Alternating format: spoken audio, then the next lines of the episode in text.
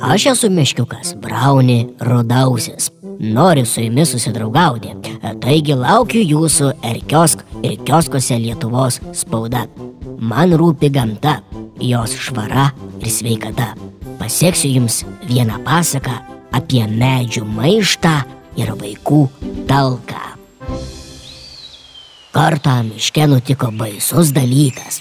Medžiai supyko ir nutarė iškeliauti į pasaulio kraštą. Girios karalius Ažulas dieną iš dienos dėjavo, kad niekas medžių nemyli, tik kerta ir niokoja. Jei ne žmonės, tai gaisrai. Jei ir toliau tai bus, žemėje neliks ne vieno medžio. O juk medžių šaknys kaupia vandens atsargas, saugo dirvą, kad ji neišdžiūtų, būtų derlinga. Ažolai pritarė ir aukščiausioji iš visų pušis. Ji girdėjusi, kaip drevėje skundėsi voverės, kad tuoj nebeliks medžių, būstus praras šimtai paukščių susisukusių lizdus. E, tai patvirtino kalendamas snapu ir genys.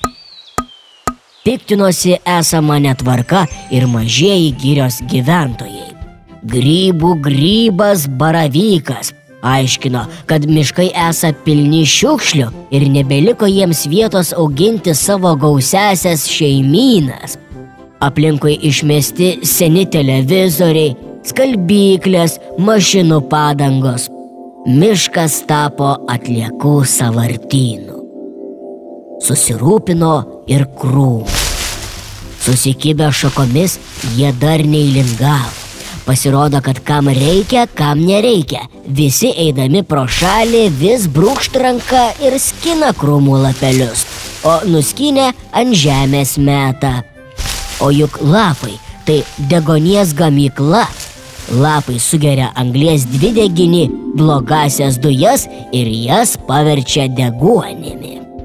Išmintimi garsėjęs ažuolas visiems paaiškino, kad jei nebūtų medžių, krūmų, nebūtų gyvybės. Žmonės neturėtų kuo kvėpuoti. Žmonės nesusimasto, kerta miškus, netaupo popieriaus. Gal jie nežino, kad 52 kg popieriaus yra vienas nužudytas medis? Visi kaip vienas, ir medžiai, ir krūmai, o su jais ir žvėris, paukščiai, grybai, skrusdelytės, visi iki vieno nutarė iškeliauti ir palikti žmonės be gamtos.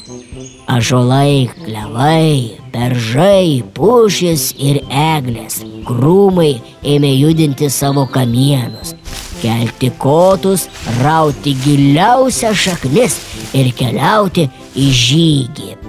Ten, kur jų niekas neskriaus. Miškas ėmė judėti, žemė drebėti ir, ir iš miego pažadino mane. Rodausi. Kas čia darosi?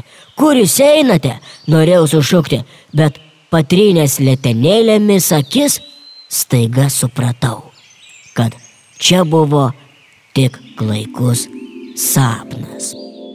Medžiai stovėjo kaip įkasti, niekur nedingė.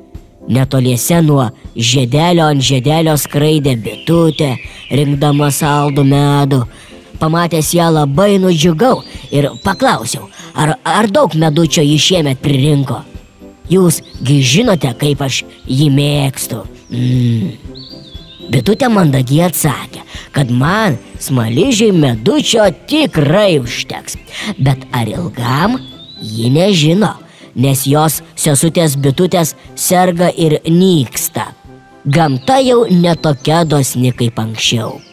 Įvairių chemikalų, pesticidų naudojimas užteršia augalus ir bitutės miršta.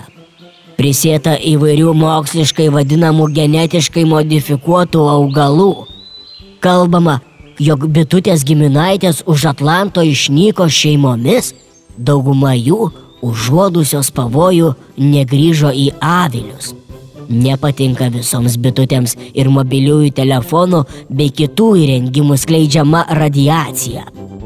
Kartą skrisdama tarp elektros laidų, mano dosnioji bitutė nutupė palisėti ant vienos knygos ir perskaitė žymaus mokslininko Alberto Einšteino žodžius, jog išnykus bitėms žmogus išgyventų tik ketverius metus.